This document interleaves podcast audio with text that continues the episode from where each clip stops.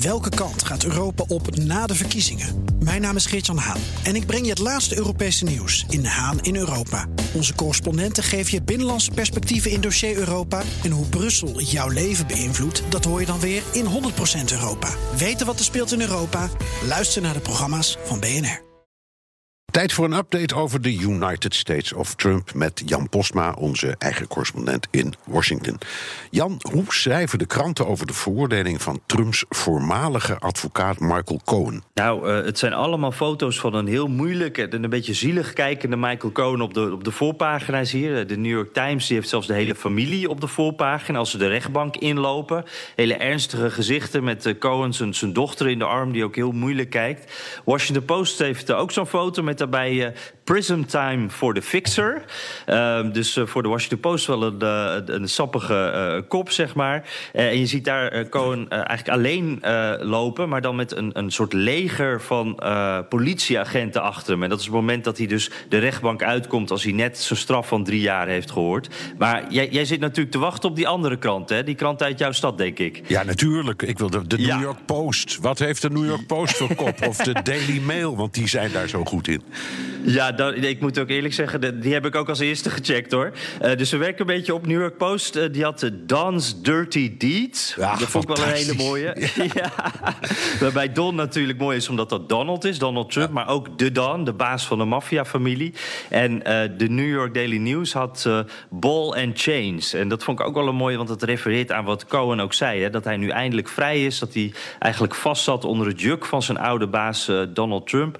en, en ja, eigenlijk bij vooral die twee tabloids heel weinig ja, medelijden. Er wordt gesproken over Weepy Cohen. Dus huilende, jankende Cohen. Prachtig, want ball and chains betekent ook... waar je zo'n bal en een ketting waar je vroeger mee in de gevangenis zat. Maar het is ook slang voor een huwelijk. Ze noemen vaak je partner my ball and chain. Dus dit is echt een fantastische. Okay. ja, mooi nou, hè? Trump zelf, heeft hij al gereageerd?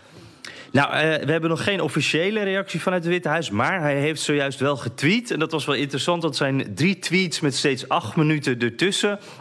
Uh, dus uh, het lijkt een beetje alsof het uh, getypt werd, eigenlijk alsof ze het verzinnen waren terwijl ze tikten. Slokje koffie. Of misschien wel.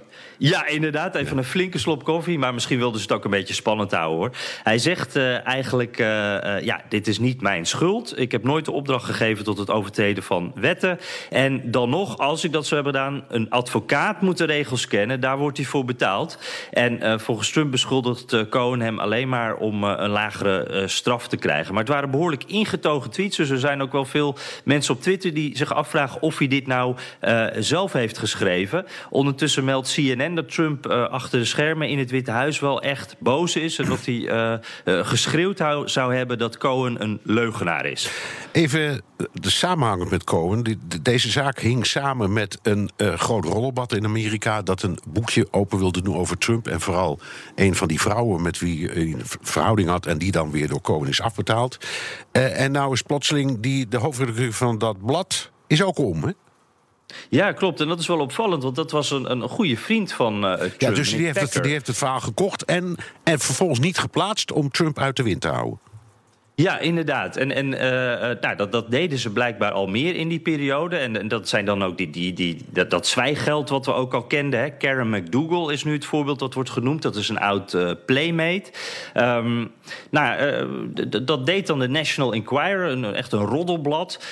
waar echt de, de meest bizarre dingen op de voorpagina staan. Maar dit verhaal brachten ze dus niet om Trump eigenlijk een gunst te verlenen. En het opvallende is toch wel dat die meneer Packer van de National Enquirer... die heeft nu dus toegegeven dat dit inderdaad zo gebeurd is.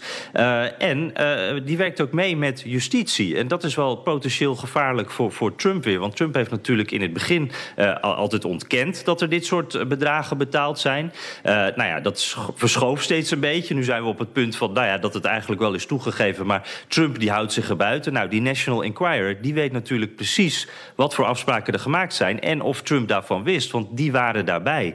En die praten dus nu met justitie. Dus ja. dat is wel weer heel Nog even iets anders. Uh, Trump en de, de beide democratische leiders in het parlement, Pelosi en Chuck Schumer, die, die voerden een soort van uh, gevechtsshowtje op in, het, in de ovale kamer deze week.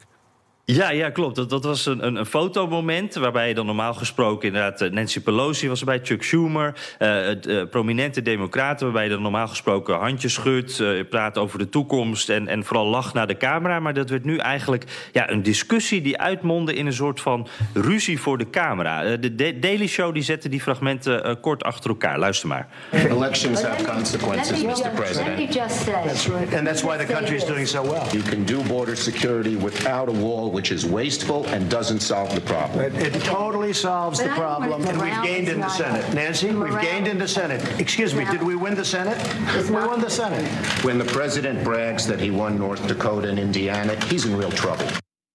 Ja, dit laatste was Chuck Schumer. Die keek nog even triomfantelijk de camera in. En wat er nu gebeurde, ja, Pelosi die zei nog een aantal keren van... joh, dit moeten we niet voor de camera bespreken. Maar Trump die gaat er dan toch op in. En Schumer die daagt dan eigenlijk Trump een beetje uit. En, en ja, Trump die gaat daar dus op in. En dan zijn ze ineens eh, eigenlijk aan het, aan het ruzie maken voor de camera. Ja, en we kunnen het allemaal mee beluisteren. Dankzij onze correspondent in Washington, Jan Postma. Dankjewel.